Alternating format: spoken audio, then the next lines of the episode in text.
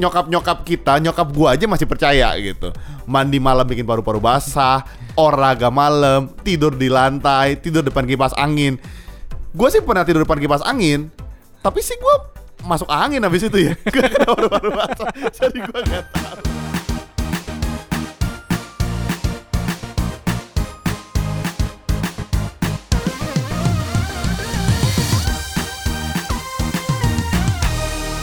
Halo Sobat Healthy X kalian Halo semuanya. Gimana kabarnya? Siap kupingnya untuk mendengarkan suara-suara kita lagi? Ya, siap dong. Yang nggak siap dengar informasi dari lu kayaknya. Kalau dengar suara gua sih siap mereka pasti. ya dong.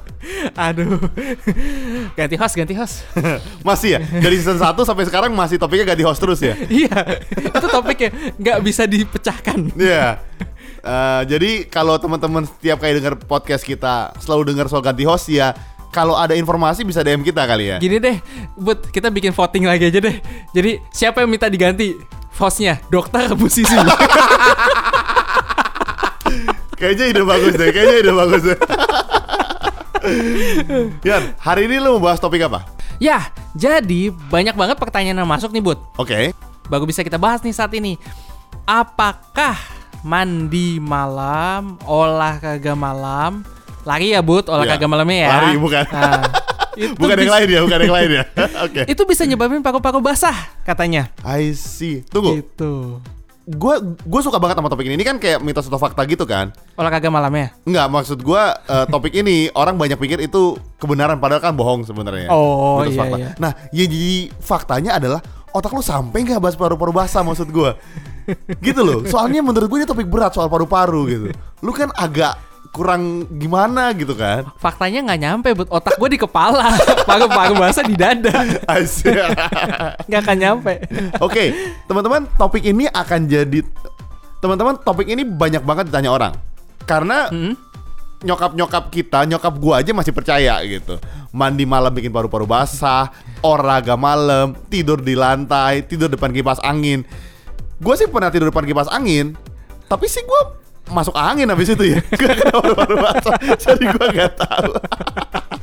Yan, sebenarnya apa itu paru-paru basah? Paru-paru basah itu Bud, paru-paru yang nggak kering Oke, kayaknya lu masih lebih kompet, lu mesti lebih menunjukkan kita tuh cerdas ya. Kita nih healthy hacks Oke, judulnya. voting dokter satu Ting Oke. Nah, jadi paru-paru basah itu sebenarnya term yang dipakai oleh orang awam ya untuk mendeskripsikan eh, kondisi paru-paru yang Basah. Basah.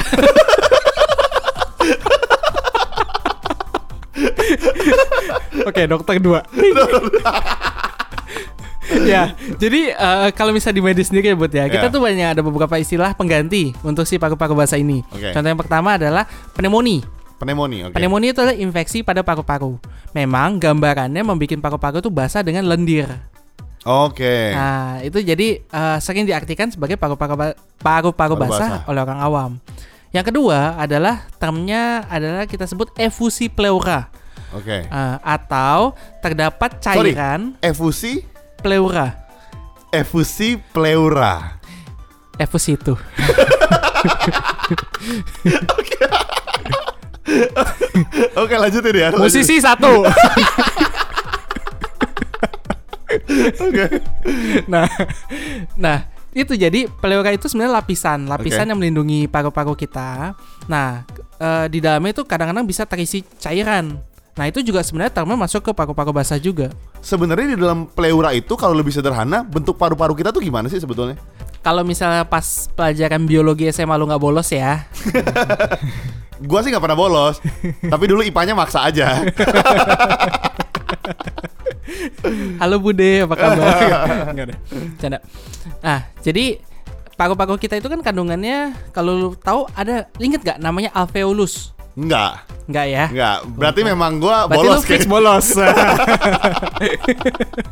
Oke. nah, alveolus itu, itu jadi seperti balon-balon kecil, Bud, Oke. yang ada di paru-paru kita. Jadi pada saat kita eh, pada saat dia ngembang, buk, isi udara, terus dia ngempes, isi Oke. udara ngempes. Lu ngebayangin ya, itu kayak balon-balon kecil, Ya. ya, yang tersusun jadi bentuknya kayak paru-paru. Oke. Volume banyak gitu. Ah. Nah, pneumonia atau mungkin udem paru ya, itu juga term untuk paru-paru basah. Oke. Itu menyebabkan adanya cairan di daerah sekitar balon itu. Nah, yang menyebabkan balonnya pada saat dia mau ngembang, ngembangnya nggak maksimal, Ya, oke, kebayang. ya. Hmm. Nah, itu adalah term untuk pneumonia atau uh, udem paru. Nah, kalau misalnya efusi pleura yang tadi gue jelasin, Oke. Nah paru-paru kita itu kan ada dibungkus lagi semuanya dengan suatu kantong. Oke. Kantong yang kita sebut dengan pleura. Karena suatu hal, kantong itu jadi terisi air. Sehingga literally paru-paru lu tuh kerendam air. I see. Oke. Nah, itu itulah uh, gambaran dari efusi pleura. Oh, jadi sebenarnya itu yang disebut dengan paru-paru basah. Paru-paru basah. Lu di antara balon-balon tadi ada cairan Iya. sehingga mengembangnya maksimal. Ya, Atau yang kedua, memang paru-paru lu kerendam sama air. ya. I see. Lah, terus berarti kalau gitu bener dong. Mandi malam abis olahraga itu bikin lu paru-paru basah. Karena ketika lu mandi keringetan, pori-pori lu mengembang, kemudian lu mandi, terus tiba-tiba air itu masuk ke dalam tubuh kita. Sehingga dia masuk ke paru-paru kita. Berarti bener sebenarnya itu bukan mitos, Yan. Lu orang apa kapal selam sih, Bud? Pogi-pogi kebuka langsung masuk tut. Ya bener, deh. bener juga ya. Kalau gitu yang terisi nggak hanya paru-paru, tapi semuanya ya. Semua.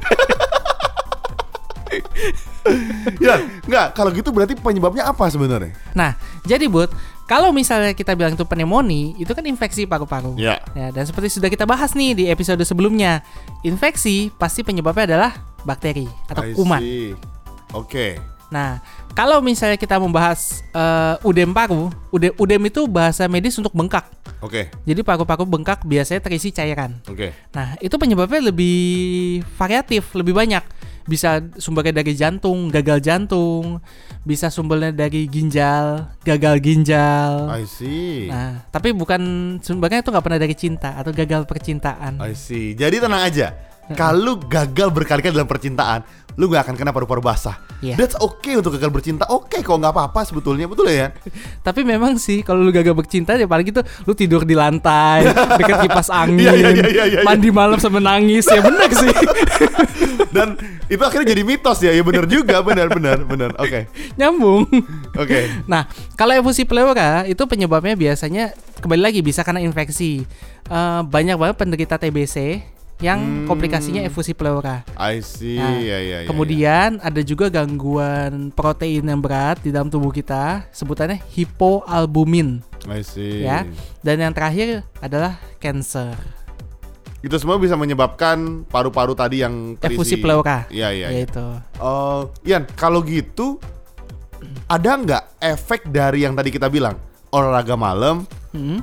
tidur di lantai menyebabkan bisa kena paru-paru basah? Atau emang itu sama sekali nggak ada hubungannya gitu? Ya. Jadi memang kalau misalnya pas lu lagi malam-malam olahraga, kita tahu ya udara malam itu lebih lembab. Ya, ya betul. Ya, lebih lembab. Dan itu memang meningkatkan resiko mungkin terjadinya orang infeksi. I see. Iya kan? Ya, ya, ya. Tapi bukan berarti setiap kali lu olahraga malam lu pasti kena paru-paru basah itu enggak. Hanya Gitu. lebih tinggi kemungkinan terkena infeksi bakteri gitu kan? Ya. Dan itu pun juga terbatas kalau misalnya lu olahraganya di outdoor.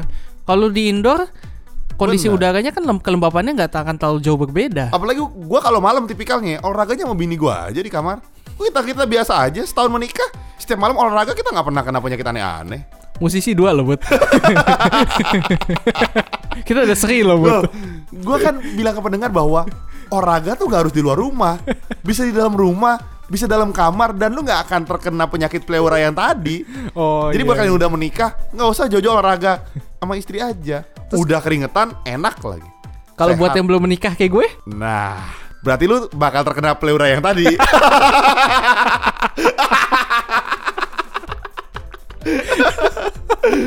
Yan, oke. Yan, kalau Iya. gitu kita udah tahu paru-paru basah tuh apa, Mm-mm. Penyebabnya apa, dan mitosnya apa. Sekarang yang gue penasaran adalah ciri-ciri orang yang terkena paru-paru basah tuh apa sebetulnya? Nah, jadi gini, Bud. Sesuai yang waktu itu gue jelasin. Jadi sesuai dengan analogi yang gue jelasin ya, Bud. Itu kan balonnya itu kan keisi eh, ada air yang Betul. mengganggu pengembangannya. Iya. ya kan? Otomatis kalau misalnya memang gejalanya udah agak berat, pasti keluhan utamanya adalah nafasnya nggak lega atau sesak I see, betul. Ah. ya. Nah, sekarang kalau misalnya kita sambungkan dengan infeksi, semua infeksi pasti keluhannya adalah demam, Oke, ya. ya. Nah, jadi kalau misalnya lu merasa napas lu kayaknya nggak lega, nggak sesek, ag- agak sesek, terus lu udah menderita demam beberapa hari, batuk, ya. Nah, mungkin lu perlu pemeriksaan lebih lanjut untuk mendeteksi memang ada nggak nih kelainan pada paru-paru lu. Gitu. Nah, eh dari pemeriksaan hasil ronsen nanti akan bisa ketahuan buat gambarannya. Apakah lu itu menderita infeksi kah? Atau mungkinkah eh, paru-paru lu ada yang bengkak kah? Yang tadi gue bilang. Ada efusi kah? Atau ternyata paru-paru lu sebenarnya normal nggak ada masalah.